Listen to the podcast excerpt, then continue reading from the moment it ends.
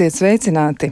Vai zinājāt, ka pasaulē viens no viskaistākajiem zirgiem ir nosaukuma Akhalteke? Es gan nezinu, vai es pareizi izrunāju šo zirga nosaukumu, bet tā ir viena no skaistākajām zirga šķirnēm pasaulē. Un izrādās, ka sākotnēji tie ir audzēti Turkmenistānā, un viņi ir pazīstami ar to, ka viņiem ir gandrīz metāliski mirdzošs kažoks. Un vēl arī ir tā, ka Nu, vēl to zirgu mēdz dēvēt par palomīno zirgu. Viņš izskatās gandrīz zeltains ar baltām krēpēm un ļoti, ļoti skaisti asti. Un, e, nu, iemesls ir tāds, ka zinātnieki saka, ka zirgi, mm, nu, tieši šīs te šķirnes zirgi izskatās tā tāpēc, ka viņu apbrīnojamais kažoks, kā viņi raksta apbrīnojamais, un tas ir daudzos avotos, atstaro un lauž gaismu tieši tāpat, kā to darītu metāls. Tā iemesla dēļ, ka zirgu mati ir dobi, un tie rada, nu, tādu ļoti, ļoti īpatnēju efektu. Bet, diemžēl, Nav nemaz tik vienkārši ar tiem zirgiem. Pasaulē ir 5000 e, aptuveni, un ķīnieši tos dēvē par zirgiem no debesīm. Bet, ja jūs gribētu izvēlēties, e, nu, iegādāties tieši šādu zirgu viņu dzimtenē, un nu, tā ir šajā gadījumā Turkmenistāna, diemžēl ziņas ir bēdīgas. Jūs nevarat viņus eksportēt, šos dzīvniekus, jo par to draudz sots, un, diemžēl, šis sots ir vienreizējs un uz visiem laikiem. Tā tad nāves sots ļoti, ļoti skarba attieksme, bet nu ļoti neparasta, neparasta suga un tiešām interesanti. Daba sagādā nepārtraukts pārsteigums. Bet mēs arī šodien runāsim par to, ka reizēm Ir kādi pārsteigumi, tie varētu būt arī nevisai patīkami. Mm, šodien mēģināsim izpētīt mobbinga problēmu un pieskarsimies arī varbūt vēl citiem aspektiem. Un, jā, esmu studijā ar jums. Kristiāna Lapiņa ir šodien studijā un mēģinās arī kopā ar studijas viesiem to visu izpētīt. Savukārt pie skaņa pults ir Mārtiņš Paeglis. Nu, lūk, un uzreiz arī pieteikšu viesus, kurus esam aicinājuši izpētīt kopā ar mums mobbinga problēmu. Un pie mums ir ārsts psihoterapeits. Arī Working Day LV vadītāja atlases speciālists Andris Jansons. Sveicināts! Labrīt! Vēl esam aicinājuši arī piedalīties eh, sarunā Rūtu Grikmani, kura ir komunikācija aģentūras o, e, AV Olsen un partners eh, projekta direktore. Pareizi viss. Labrīt. Jā, labi. Un vēl esam aicinājuši sarunā piedalīties Viktoru Pečenko, kurš ir Trainify, eh, pareizi saku? Trainify, jā. Trainify, jā, Trainify, tad jāliek akcents uz to otru pusi. Tātad viņš ir valdes priekšsēdētājs šajā organizācijā.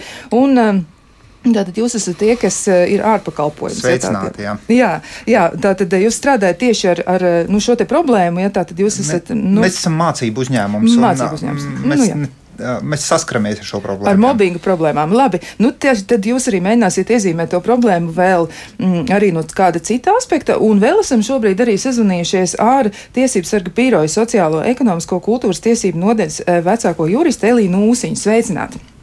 Labrīt. Nu, lūk, e, varbūt tad arī sāksim ar Elīnu Ūsiņu. Nu, tiešām ir tā, ka tiesības sargs arī ziņo par to, ka um, ir saņemti um, darbinieku vai arī strādājošo vai, vai vispār personāla pārstāvju un dažādi cilvēki iesniegumi par to, ka viņi ir cietuši no mobbinga. Varbūt jūs vispār varat iezīmēt, kā tas izskatās no jūsu redzes viedokļa, cik aktuāli ir šī problēma. Jā, paldies. Uh, problēma gan ir aktuāla, jo emocionālā vardarbība ir raksturīga visā sabiedrībā, ne tikai darba attiecībās. Mēs bieži dzirdam, ka uh, emocionālā vardarbība jau parādās gan bērndārzos, gan skolās, gan augstskolās, un nenoliedzami tā arī izpaužās arī darba vidē. Uh, signālus mēs saņemam, un jāatzīst, ka mm, Pēdējā laikā ir vairāk iesniegumu, bet pamats varam izskaidrot ar to, ka sabiedrība ir kļuvusi izglītotāka.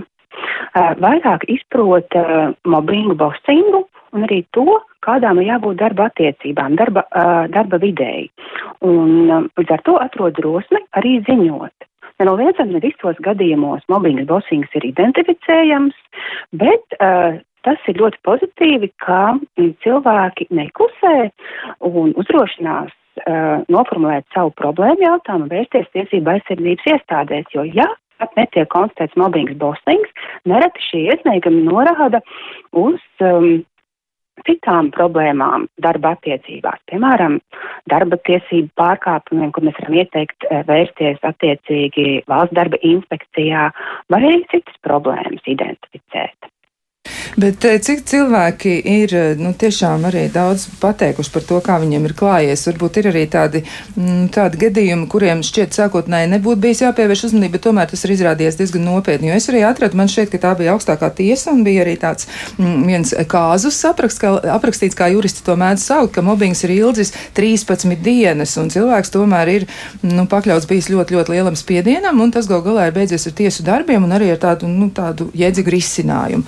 Eh, ko jūs jūs varētu par to pateikt, vai cilvēki spēja tiešām paši izvērtēt un kā viņiem veicas ar to? Um, situācijas ir dažādas, kā mēs esam secinājuši, ka vispār nav identiska mobbinga un bosinga situācija, tāpēc arī ekspertu vidū nav vienots izpratnes, kas tad īsti ir tas mobbings, bosings, jo uh, tas uh, mobbinga, bosinga saturs un tvērums nebitīgi evolucionē, un katrā darba kolektīvā, katrā šajā konfliktā tas var būt pilnīgi savādāks. Uh, un vienā situācijā tas var ilgt pusgadu, gadu, bet citā situācijā tas var būt pusgadu. Bet pats svarīgākais ir saprast, ka tā nav viena vai pāris epizodes, kas mums nepatīk darbā, darba attiecībās.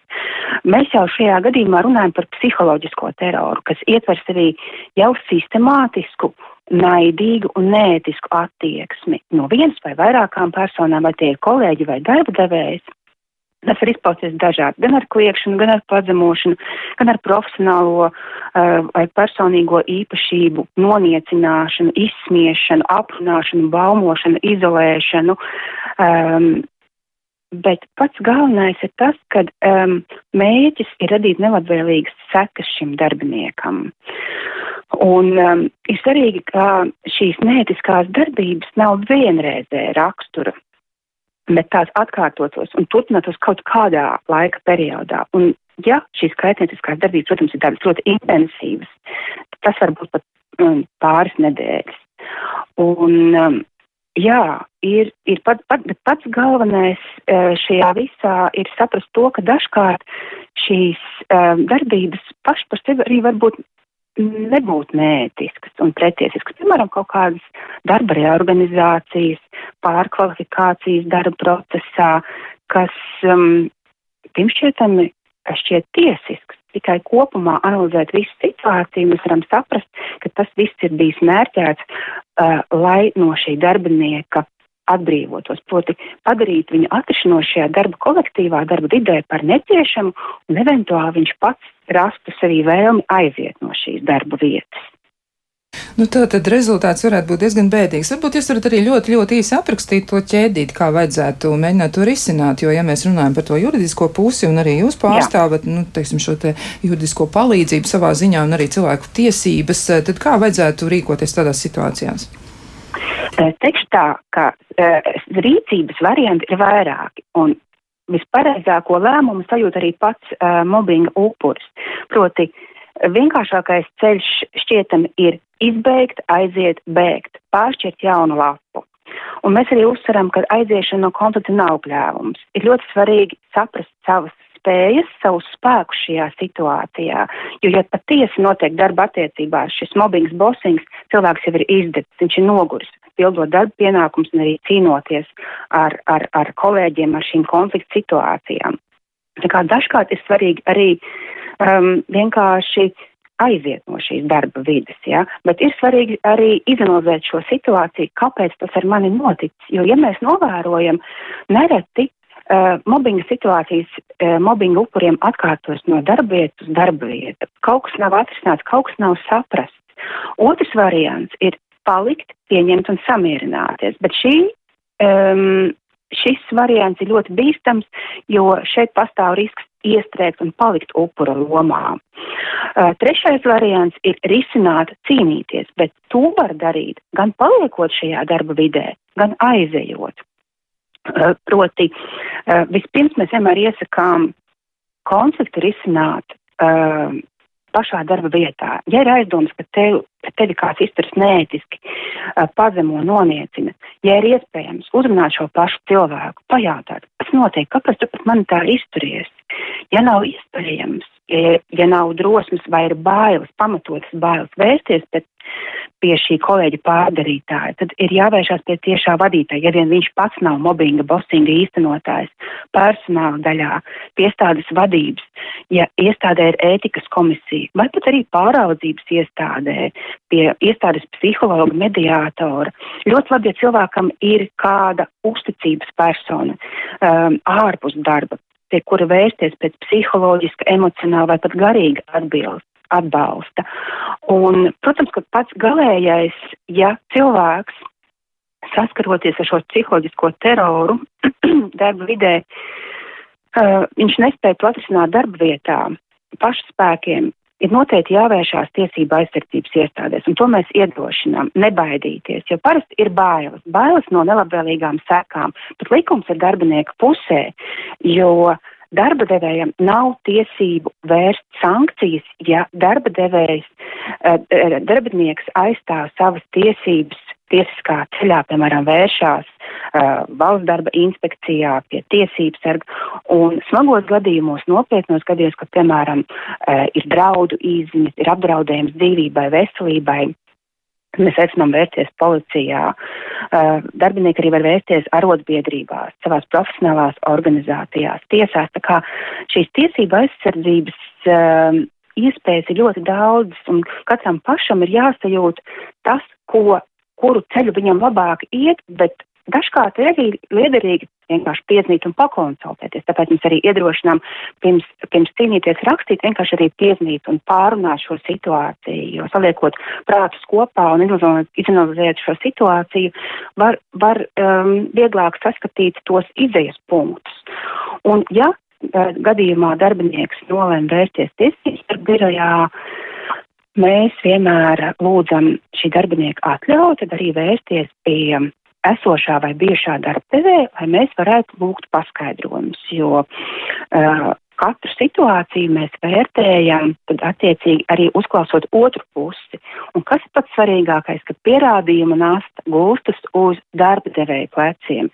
Proti, ja mobbinga upurs vēršās tiesība aizsardzības iestādē, piemēram, tiesības sarga birojā, viņam ir ļoti svarīgi detalizēti aprakstīt šo situāciju, bet viņam nav pienākumu pierādīt šos apstākļus. Jā, nenoliedzami ir ļoti labi, ka viņam ir kāds pierādījums, piemēram, audio ieraksti vai kādi dokumenti, kas pierāda šo neētisko, neprofesionālo mm, rīcību no darba devēja puses, kur jau ir saskatāms mobbinga, bosinga pazīmes. Bet pat ja šādu pierādījumu nav, pierādījumi būs jāmeklē darba devējam, Viņiem būs jāpierāda, ka šajā gadījumā nav bijusi nevienlīdzīga attieksme pret darbinieku, ka viņš ir nodrošinājis drošu, ētisku uh, un tiesisku darba vidi, kādu to prasa darba likums taisnīgus, Jā. drošus un veselībai nekaitīgus darba apstākļus. Jā, skaidrs. Tātad paldies par to, kā būtu jārīkojas. Tātad mēs to juridisko pusi jau esam izpētījuši. Un Jā. Eh, šajā mirklī arī teikšu lielu paldies Tiesības sarga biroja eh, sociālo, ekonomisko un kultūras tiesību nodeļas vecākajai juristei Elīnai Ūsiņai. Paldies jums par skaidrojumu, eh, par to, kā būtu jārīkojas. Mēs jums tad šajā brīdī arī novēlam jauku dienu un ceram arī, ka klausītāji noteikti ņems vērā to, ko Elīna Ūsiņa nu pat arī izstāstīja. Bet te nu es gribētu vērsties arī pie mūsu studijas viesiem, un mums ir arī nu, tāds. Um, nu, realistisks eh, stāsts, varbūt eh, bez tādām ļoti konfidenciālām tiešām detaļām, ja kas arī varbūt eh, šajā brīdī nu, nepārāk būtu palīdzošas, bet tieši par pašu procesu varbūt mēs varētu arī aicināt izstāstīt vienu no studijas viešņām, un tā ir šajā gadījumā Rūta Grikmani, kura nu, būtu droši vien gatava aprakstīt to, kā tad ir, ja cilvēks piedzīvo mobbingu. Kas ir tās pazīmes realitātē, kas ir tas, ko jūs piedzīvojāt, nu, kā tas bija, kā jūs atpazināt, ka tas ir mobbings, kā jums klājās? Um, jā, manā situācijā ir nedaudz citi apstākļi. Jo tas mobbings, ko es piedzīvoju, bija ne savā darba vidē, ne savā darba vietā, jo man ir tiešām brīnišķīga vadība, brīnišķīgs kolektīvs, bet es to piedzīvoju ļoti izteikti no klienta puses. Un šajā gadījumā, kas man visvairāk sarūktināja, ka šis klients bija valsts iestāde. Protams, mēs visi esam cilvēki, bet, manuprāt, realizējot projektus, uh, um, tie cilvēki, kas strādā kopā, viņi ir kā komanda. Nevis viens ir kā boss, kurš tev visu laiku teikt, dzēn grīdā, maina projektu, nosaka nereālus termiņus izpildes, nepārtraukti par tavu darbu sūdzas gan savai, gan manai vadībai, kas ir pilnīgi, manuprāt, ārpus jebkādiem rāmjiem. Um, sauc manus padotos par nespējīgiem, um, par idiotiem. Uh, un tādā veidā visu, ko es daru, nepārtraukti noniecina. Un noniecina to izplatot visiem apkārt. Un man tas likās absolūti nesaprotami. Uh, pēc tam man nācās pierādīt, uh, ka projekts ir realizēts uh, tajā apjomā un pat labāk nekā tas bija plānots. Uh, Tur bija saraksti uz sarakstes par to, ko mēs esam, neesam darījuši. Katra cipara pierādīšana. Tas bija milzīgs, tāds um, nesaprotams darba papildus apjoms, kur tu visu laiku jūties tā, ka tu kaut ko dari nepareizi, lai gan visi rezultāti un apkārtējie cilvēki, ar ko tu esi iesaistīts, izņemot šos te vienu cilvēku, visi saprot, ka viss notiek normālā laikā, mēs visu esam izdarījuši, viss ir norganizēts un, un nekādām lielām problēmām nu, nevajadzētu būt. Un, um, viens no pārmetumiem man šajā projektā bija, ka um, šī pretējā puse, šī valsts iestāde, viņi neredzot manu komandu. Bet es speciāli audzēju savu komandu, lai viņi arī netiek novesti līdz tam brīdim, kad ieraugot, ka zvana telefons, tev jau, te, te, tu jau saraujies, un tev liekas, ak, Dievs, kas tagad atkal būs? Un šādi es nodzīvoju kādus četrus mēnešus, un manuprāt, nu, tā attieksme un visa tā uzvedība bija vienkārši nenormāla. Ja es pēc gandrīz, nu jau drīz būs 20 gadi savā nozarē, kur man pārējie visi klienti, un tiešām man ir paveicies, man ir labi klienti. Viens piezvanīja, saka, vai paldies tev, tik forši, ka tu to izdarīji, kā mums sanāca. Un otrs zvana un saka, ko tu vispār dari tajā nozarē? Priekš kam tu esi šeit? Un kas tev tie pa nespējniekiem tajā komandā? Un to visu dara uh, versijā, ka gan savai vadībai, gan manai vadībai to regulāri saka. Nu, tad es nesaprotu, kas īsti notiek un kāpēc šis cilvēks ir uh, tiesīgs un jūtas tik visu varens, ka var atļauties tā, tā darboties. Jā, nu par to, kāpēc cilvēki jūtas tā, ka viņi varētu kādam šādā veidā darīt pāri, par to mēs parunāsim, jo mobbingotājiem, ja bosingotājiem ir savi iemesli, kāpēc viņi tā uzvedas. Ja? Nu, tā tad varētu būt dažādi skaidrojumi. Bet šis ir mirklis, kad mēs varētu arī Andrim Jansonam uzjautāt, nu kā tad ir? nu, protams, šī situācija atšķiras, ja, bet tā tas arī varētu notikt. Ja, nu, pieņemsim, ir tās darba attiecības, kas ir uz īsu laiku, tas ir projekts, ja, un tiešām eh, cilvēki piedzīvo ļoti, ļoti nepatīkams brīžus. Es piekrītu tam, tā var notikt, es, eh, es domāju to, ka es jau strādāju personāla atlasē, nākošo gadu būs jau desmit gadi. Uh, Mani kolēģi arī tieši tāpat strādā, un pat mēs, kā projektu izpildītāji, lai atrastu kādiem cilvēkiem darbiniekus, reizēm mēs nokļūstam situācijās, ka um, klienti ir um, augstprātīgi, nepārdomāti prasīgi. Principā viņi, viņu lēmumu pieņemšana kavējās. Toties, nu, tas parastais teiciens ir tāds, tad, kad man vajag, tad vajag ātri, un tad, ne, tad, kad no jums vajag, tad ātri, un tad, kad no mums vajag, tad lēni. Jā. Tā var izteikties. Tas ir arī pamanīts. Jā. Tam var piekrist. Tad, tad tas nozīmē, ka būtu klausītājiem vērts arī to paturēt prātā, ja, ka nu, tas nav tikai par to, ka tās darba attiecības būtu, piemēram, līgums, ja darbinieks, darba devējs, un ka tikai šeit mēs to sastopam. Mēs tiešām ar to varam saskarties arī citās situācijās. Mēs varam saskarties daudzās situācijās. Jā, jā nu, klausītāji arī iesaistās aizvien aktīvāk, un uh, tas, ko viņi saka, nu, piemēram, nu, ko tad var darīt, ja tā rīcība ir no priekšnieces iet projām no darba, jo šajā situācijā ir satikušās divas spēcīgas personības tiesības. Nu, tiesības sarga pārstāve teica, ka dažos gadījumos iespējams tas ir risinājums, un tā nav vājuma pazīme aiziet prom no darba, ja apstākļi ir absolūti neciešami. Jānsson, kungs, kā jūs komentētu šo situāciju? Es komentētu ar to, ko ir teicis amerikāņu psihologs Deivids Richardsons. Viņš ir teicis, tā, ka katram cilvēkam ir savs psihoemocionālais profils, un kas sastāv no sešām dimensijām. Varbūt šajās dimensijās tagad neiesim iekšā, bet viņi te pašā laikā viņam ir padomi, kā justies labi gan dzīvē, gan darbā.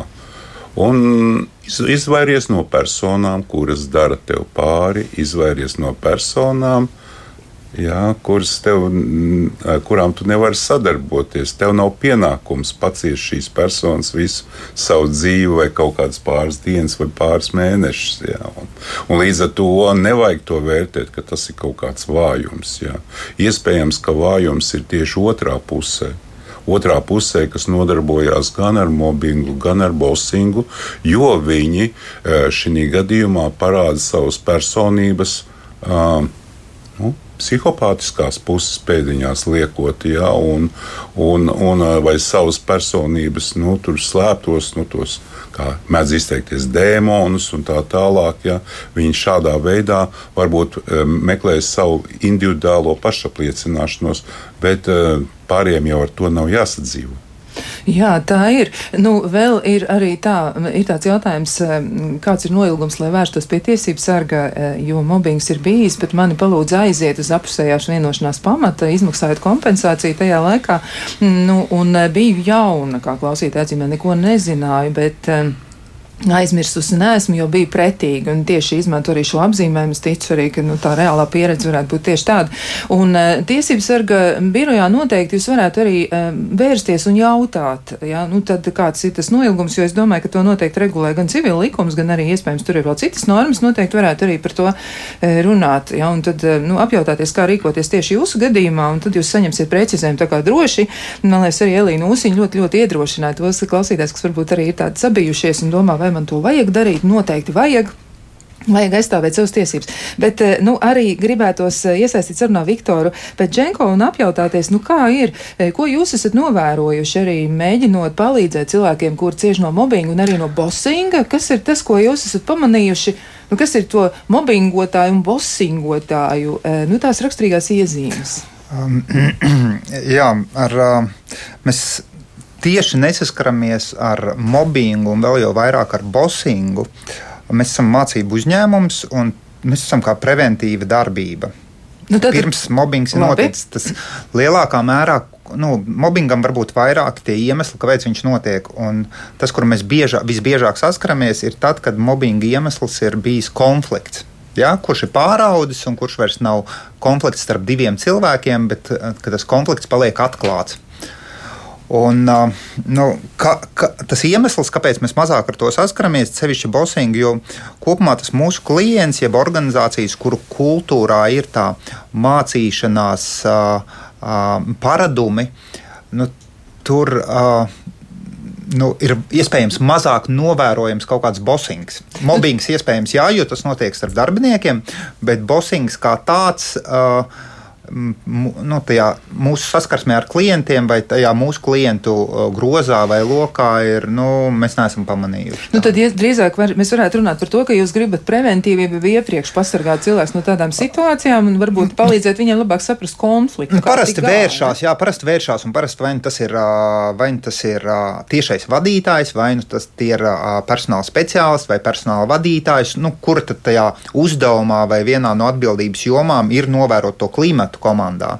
Un, un ja šis cilvēks nu, šajā savā uzņēmumā novēro, ka riski mobbingam pastāv, ka konflikts ir pārvērties no tāda privāta divu cilvēku konfliktu uz atklātu, kur jau nu, nu, tie iemesli var būt tiešām dažādi no pieredzes. Tas, dažkārt tie cilvēki, kuri, nu, kur ir tie moberi, viņi pat neapzinās, ka viņi mobbingo. Nu, tā situācija var būt dažāda, dažādas pieredzes darbā. Uh, cilvēkiem. Uh, nu, tas, tā, tā pieredze, cik ilgi strādā, un ir kāds jauniņais, un tad uh, nu, tie, tie, kas ir vecāki, tie iespējams, ka viņiem ir kaut kas jāpalīdz, vai kā. Nu, dažkārt to dara ar kaut kādu joku, bet, uh, un, bet viņi pārvēršas par moberiem, jo tas cilvēks uztver to mazliet savādāk, asāk uztver. Un, ja tas tiešais vadītājs vai personāla speciālists, kas tajā uzņēmumā ir un pieskata to klimatu, to pamana, nu, tad viņš nu, tas ir viņa atbildības jomā to, to situāciju regulēt. Labi, bet uh, tomēr vajadzētu spēt atšķirt, kur ir mobbings un kur mobbings nav. Jo arī Elīna Usiņa pieminēja šo aspektu par to, ka reizēm ir tā, ka cilvēki domā, ka kaut kas ir mobbings, bet varētu būt, ka tas ir kaut kas cits. Nu, varētu būt, ka tā ir tāda ļoti sāsināta e, jūtība, jeb attieksme pret kritiku. E, ne, mums ir arī klausītāji jautājums. Varbūt priekšnieks vienkārši grib panākt, lai padotais pildītu savus darba pienākumus un būtu rezultāts, kas apmierina vienkārši, lai ir labi padarīts darbs, bet padotajam liekas bosings, mobbings. Kā to skaidrot?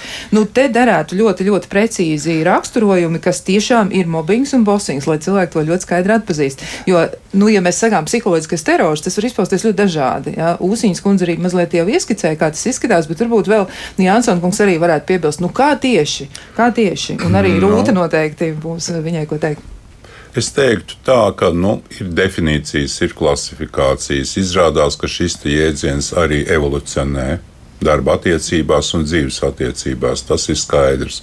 Doma ir tāda, oriģinālā doma ir tāda, ka mobbings ir tad, kad personu grupa uh, noniecina dažādos veidos, psi, uh, psiholoģiskā vardarbība pret vienu personu kaut kādā grupā.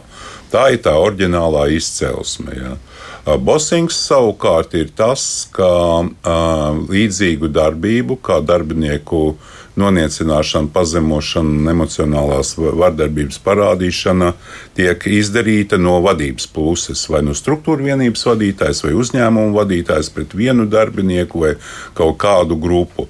Tā ir viena no klasifikācijām, bet tai pašā laikā Uh, nu, notiek, da, uh, notiek arī paralēli, paralēli šīs klasifikācijas pieslīpēšana, un mēs tur varam stundām runāt, kādā veidā to pieslīpē. Ieskaitot to, ka, uh, ka ir arī bijis arī tāds, tāds stāsts un tāds uh, rakstu krājums rakstu sērija ir žurnālos par to, ka patiesībā tād, tas mobbings ir cēlies no dzīvnieku valsts uzvedības, ka spēcīgākie vienmēr nu, saka, panākt to, lai nu, panāk, nu, jābūt hierarhijas sistēma, kurā spēcīgākā dabūna savu vietu, vājākie nedabūs savu vietu, vai ar viņiem jāpierāda, ka viņi var dabūt savu vietu. Tur principā par to nevajadzētu raizēties, jo tas viss nāk no evolūcijas un no dabas.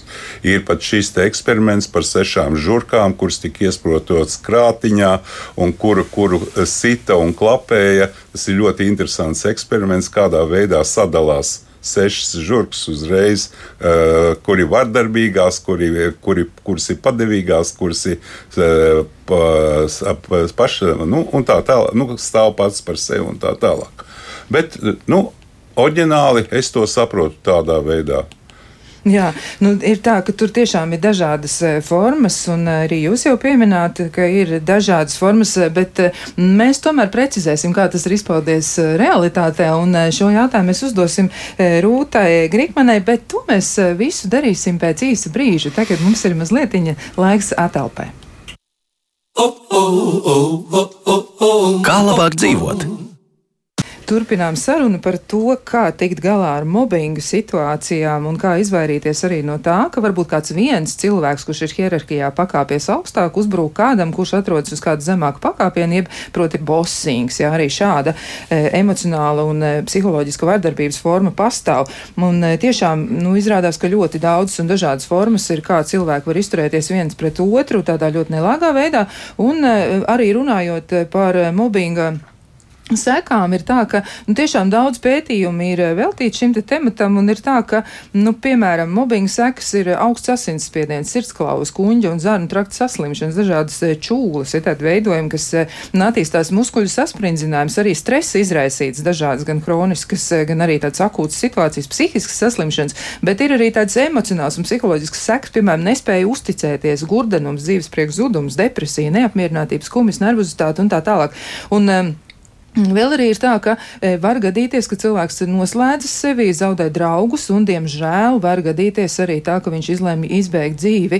Un, e, kā ir atzīmējis arī viens no mobbinga pētniekiem, e, Leimans 15% no pašnāvību iemesliem jau tad, kad cilvēki ir pieauguši un ir darba dzīvē, tas, diemžēl, ir mobbings. Ja, un vēl ir arī tā, ka mobbinga dēļ divas trešdaļas no terorizētiem darbiniekiem viņiem samazinās darba motivāciju, un vairāk nekā 50% parādās tas saucamā domāšanas blokāde. Ja, nu, tādi kognitīvi, jeb domāšanas procesi tiek būtiski ietekmēti. Nu, citiem vārdiem ir ļoti, ļoti smagas sekas, un vēl pat ir tā, ka 20% no darbiniekiem, kur ir pakļauti mobbingam, aiziet no darba, 5% tiek pazemināti amatā un 15% tiek atlaisti no darba. Nu, tad, tad ļoti nopietni skaitļi, kas liek aizdomāties par to, ko tad ar to vajadzētu darīt, ja tas būtu jāmēģina novērst. Bet atgriežoties pie realitātes un pie tās reālās pieredzes, es gribētu jautāt eh, Rūtai, nu kā Kā jūs izlēmāt eh, vispār, ka jums ir jācīnās, un eh, kas, jūs, kas jums nu, ļāva izturēt to, to situāciju? Jo jūs tiešām aprakstījāt to, ka tas bija ļoti, ļoti sarežģīti un tas bija ļoti grūti. Eh, manā gadījumā izturēt palīdzēja tas, ka šis projekts bija terminēts. Es skaidri un gaiši zināju, līdz kuram datumam man ir jāpabeidz pats projekts, šī aktīvā fāze. Es, protams, sapratu, ka noslēguma daļa būs arī grūta un sarežģīta, bet es ļoti labi zināju, ka tas beigsies.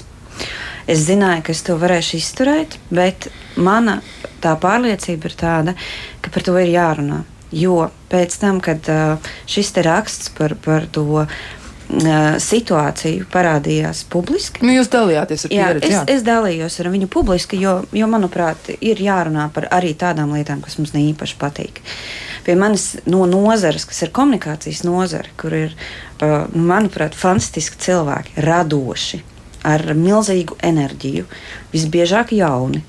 Jo šī ir profesija, kas, diemžēl, daudzus izdedzina. Pie manis vērsās mani nozarē pazīstami kolēģi, Un man vairāk ir norādīja, ka viņi regulāri ar šādu situāciju, diemžēl, sastopas saistībā ar valsti, ar valsts iepirkumiem. Jā.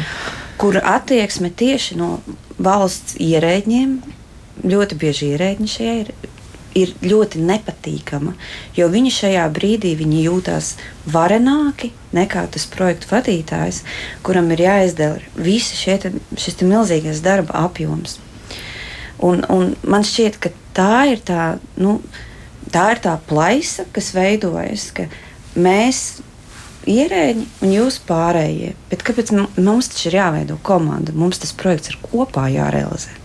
Jā, nu te ir arī e, labs jautājums no klausītājiem, kurš tad ir atbildīgs par veselīgu darba vidi? Priekšnieks, darbinieki, visi kolektīva atbildība, vai arī tā tad gal galā neviens? Nu tad e, uzdosim jautājumu arī gan Viktoram Pečenko, gan arī Andrim Jansonam par to, nu kā varētu būt tas risinājums un kā vispār mums būtu jāsaprot arī iespējamie cēloņi. Kas cilvēku padara par e, mobbingotāju, nu ka viņš vēršas pret kādu citu? Kas ir pamatā tam, jo arī pētījumi rāda un arī profesionāļi to apgalvo, ka bieži vien e, mobbinga īstenotājs pats ir cietis no vai nu vardarbības, vai nelabvēlīgas pieredzes savā dzīvē. Kā tas nāks, ka viņš kļūst par tādu cilvēku, kurš dara pār citiem? Nu, kurš no jums pirmais varētu to komentēt? Es, es varbūt papildinot to, to iepriekšējo jautājumu par to, uh, nu, kas tad to mobbingu tur raksturo. Tur, ta, tas, ko uh, kolēģi pašā raidījuma sākumā minēja, ka tas sistemātiskums, Jā, ka tā atkārtošanās, jo nu, nevienmēr kaut, nu, diskusija divu cilvēku starpā vai kolektīvā uzreiz var uztvert kā mobbingu, bet tomēr tas notiek sistemātiski, tā, tas atkārtojās. Un vēl viena lieta, tāda iezīme varētu būt, ka tas ir uzbrukums personībai. Nevis situācijas risinājums, bet tieši tās personības aizvainošana ar mērķi tieši to personību kaut kādīgi aizskart. Bet, jā, varbūt nu, tā ir vēršanās pret konkrētu cilvēku. Bet nu, ir tā, ka tiešām ir, ir nu, pastāv tāds viedoklis, ka tie cilvēki, kur paši bērnībā vai savu darba ceļu sākuma posmā ir sastapušies ar vardarbību, vēlāk atspēlēs uz kolēģiem. Nu, šis ir citāts no, no, no pētījumiem, būtībā no apkopojuma. Ja? Jansson kungs, kā jūs varētu nu, to komentēt? Jo ir tādi arī hroniskie vajātāji un ir tādi, kuri nu, tiešām, acīm redzot, vēršas pret šo vienu cilvēku, un tas viņos izraisa nu, tik dziļas jūtas pašos, ka viņi ir gatavi to otru cilvēku burtiski burtiski nu, psiholoģiski iznīcināt gandrīz. Kas varētu būt par iemesliem, kāpēc tā ir? Iemesli droši vien ir ļoti daudz un dažādi, bet uh, es domāju, ka viens no iemesliem varētu būt tas, ka ir tāds vārds, kas saucās atriebība. Jā, man darīja pāri. Tas, kas darīja pāri, bija spēcīgāks par mani. Es jūtu, es viņam nevarēšu atriepties visā pilnībā. Es tagad atradīšu kādu, kas ir manā līmenī vai vājāks. viņam atriepšos. Tas ir tas, ko mēs nu pat ierunājamies par to, ka tā ir um, um, psihiskās aizsardzības mehānismus, ko sauc par pārvirzi, ja, ka mēs izpaužam savas negatīvās jūtas pret to, pret kur mums ir drošāk šīs jūtas izpaust kā individam. Tas ir viens. Vēl viena lieta, ja, ko es gribētu šeit iespra, nu, ielikt pa vidu, ir tas, ka mana, mans uzskats par to, kāpēc um, darba vidē un mācību vidē, un varbūt arī pat sākot no bērnu dārza, um, mēs nokļūstam pie tā, ka lai sasniegtu labus rezultātus gan tur, sportā, darbā, mācībās, vēl kaut kur un vēl kaut kur, mēs varbūt kultivējam tādu um, agresīvāku vidi viena iemesla dēļ, ka mēs aizmirstam. Mūsu dzīve vienmēr ir divpusīga, ambivalenta. Tātad vienā pusē mums ir kas? Sadarbība, otrā pusē ir sāncensība.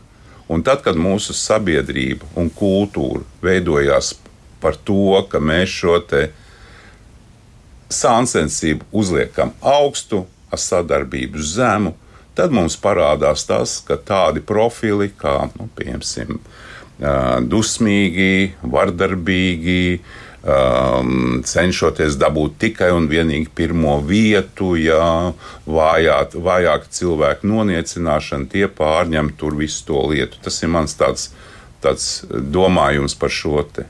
Momentu. Jā. Jā, nu, par agresivitāti, jeb nu, spēju būt agresīvam, ja tur uh, raksta arī klausītāji, ka tā ir iedzimta gan cilvēkam, gan arī, nu, kā viņš min tīģerim vai kobrai, jā, un par tās aprakstīšanu, ka tā piemīt, jā, spēja paust agresiju arī savulaik piešķirt Nobel prēmiju. Nu, skaidrs par uzvedības iezīmēm mēs varam daudz runāt, bet uh, mums jau tomēr ir apziņa, ar kur mēs varam mēģināt kontrolēt to, ko mēs varam vismaz pārvaldīt.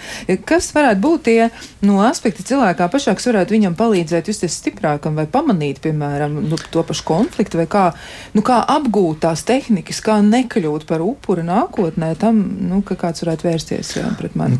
Tas mūsu novērojums, vai mans personīgais novērojums ir, ka biežākā.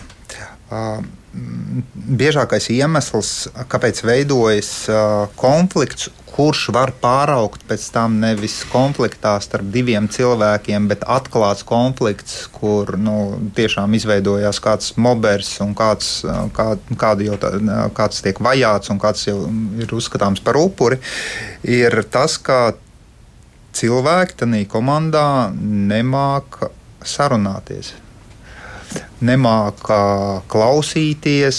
Nu, jā, tur vieglāk ir uzbrukt personībai nekā risināt situāciju un nošķirt šīs lietas situāciju no personības neprot.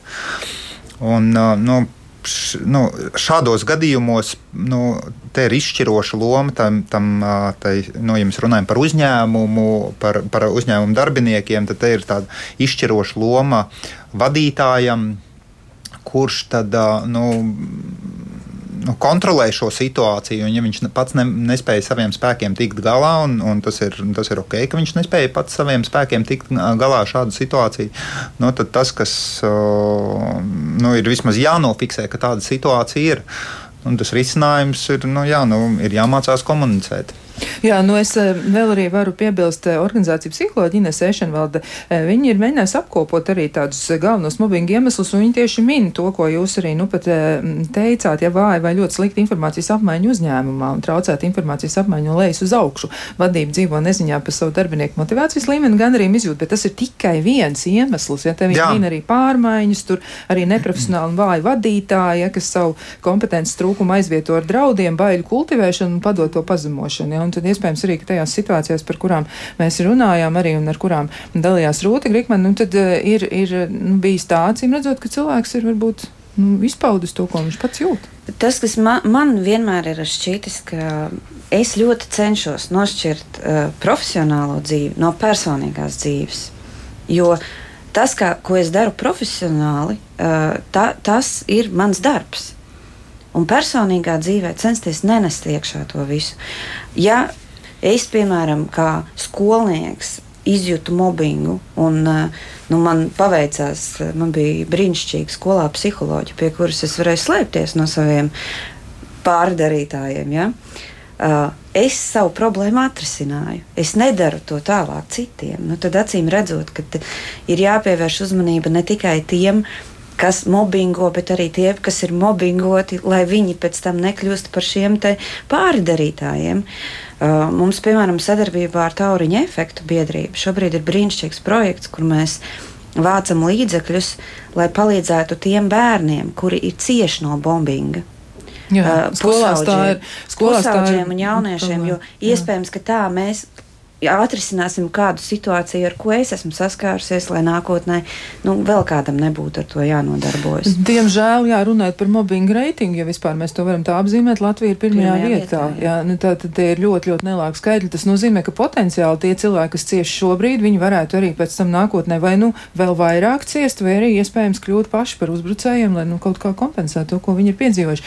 Bet lai mēs tomēr iedrošinātu klausītājus eh, vērsties gan e, pret to, kas notiek, gan arī arī nu, palīdzētu viņiem labāk saprast sevi. Varbūt eh, mēs varam mazliet apspriest arī, nu, virzoties uz raidījumu noslēgumu pusi par to, kas varētu būt tās attīstāmās stiprās puses, nu, par ko varētu domāt eh, kas varētu palīdzēt? Varbūt vienu nelielu ierosinājumu. Mums ir tāds brīnišķīgs ziņošanas likums. Jā, trauksmes celšanas, trauksmes celšanas Jā, likums. Es viņu esmu izpētījusi ņemot vērā, ka es saku, man, man ir brīnišķīgi klienti arī no valsts pārvaldes un forši projekti bijuši un tā, bet pēc šīs viena raksta pie manis tik daudz vērsās um, nozares. Um, Un cilvēki, es papētīju šo trauksmes celšanas likumu, uh, kas būtu tā vieta, kur iespējams arī vajadzētu pieminēt, ka ir šāda emocionāla vardarbība. Uh, es neatradu neko, kas nozīmē, ka es, piemēram, pašreiz nevaru vērsties pret šo personu, kuru man četrus mēnešus šajā gadā ir padarījusi nu, gandrīz vai par elli. Uh, nu, Jā. Tas varbūt arī būtu viens no aspektiem, ko valsts varētu panākt pretī, eh, rēķinoties ar to, ka valsts arī ir klients. Kādiem. Jā, noteikti tas tā varētu būt, bet es eh, arī gribētu atgādināt nu, arī par tiesību sargu biroju pieminētajām eh, iespējamajām variācijām, kā varētu darboties, bet vēl arī es pati paskatījos arī satversmes virzienā un satversmes 91., 2., 5., jā, 95. un arī pat krimināla likuma 280. pāns regulē attiecības attiecības darba devējam ar darba ņēmēju un vispār arī cilvēks, ja, kurš eh, varētu tikt pakļauts šeit situācijai, kur ir mobbings, viņš nu, tiešām var arī um, izmantot. Un eh, civila likuma 1635. pants saka, katras tiesība aizskārums, ja katra pat par sevi neatļauta darbība, kuras rezultātā nodarīts kaitējums, arī morālais kaitējums, dod tiesību cietušajiem prasīt apmierinājumu vai no, no aizskārēja, cik tālu viņš par šo darbību, ja viņu par šo darbību var vainot. Nu, tur ir dažādas likuma normas, noteikti ar to var darboties. Bet, um, Tieši par to pašu personības eh, nu, resursu stiprināšanu. Varbūt ir kaut kas, ko jūs ieteiktu, pie kā vajadzētu pašam piestrādāt tam cilvēkam, kurš varētu kļūt par upuri. Nu, kas viņam būtu attīstāms? Pašcieņa, varbūt pašvērtējuma jautājumi, nu, kaut kas tāds. Tas ir sarežģīts jautājums, pašcieņas attīstīšana, bet nu, cilvēkiem izdodas. Um, es varbūt mazu, mazu, mazu pa, um, pamanījumu, ko es esmu pamanījis personāla atlases intervijās uh, ar cilvēkiem, kuri piedalās konkursos uz vakancēm. Um, Man, es mēģināju, ritināju atpakaļ savu atmiņu un pamanīju to, ka es atceros, ka nu, vismaz reizi divos vai trijos mēnešos Man parādās intervijā cilvēks, kurš saka, ka viņš ir pārtraucis kaut kādā darba vietā darbu, tāpēc, ka viņa kolektīva gaisotne nav bijusi pieņemama un patīkama. Jā. Gan gadījumā, no, gan bijuši gadījumi, kur ir kolēģi bijuši neciešami, gan arī bijusi vadība neciešama. Protams, vienas stundas laikā šis jautājums galīgi nav izrunājams, kas tur īsti notika, jo mūsu darba uzdevums ir pavisam cits. Bet, bet tā, tā, tas, tā, tā, tā ir sistēma, to var just, ka tas tā ir. Jā. Nākošais moments ir tāds, ka um, droši vien, ka es ieteiktu visiem cilvēkiem, kuri uh, jūt to, ka viņi pamostās, viņiem jādodas uz darbu, un viņiem ir ļoti slikta pašsajūta, fiziska vai emocionāla nevēlēšanās doties uz darbu dēļ vadītāja vai dēļ kolēģa. Negaidiet! risiniet to kaut kādā veidā uzreiz. Nekas labāks nebūs. Jā. Jā, Tas, jā. ir, tas ir viens moments. Jā. Un otrais moments ir tāds, ka cilvēkam vajadzētu mācīties sevi, iepazīt, ieskatīties sevi. Vēl viens padoms ir tāds, ka tas ir mūsu temperaments vai mūsu iedzimtā daba. Viens no dimensijām tur ir tāda, ka cilvēki ir atkarīgi no citu cilvēku atzīšanas. Un, ja ir cilvēki tādi, kuriem tas ir ļoti, ļoti svarīgi, viņiem vajag to saprast, ja, vai viņi ar šo te nu, kaut kur neiekļūst. Nu, Ja? viņi varētu kļūt par upuriem. Jā, viņi jā. varētu kļūt par upuriem. Nu, tas ir tāds pāris praktisks padoms. Bet, nu, jā, pa, papildinot Andriku, uh, nu, arī domājot katrs par sevi, nu, tad uh, padomāt par to, ka uh, nu, mēs katrs varam ietekmēt to situāciju un attīstīt savas nu, sociālās prasmes.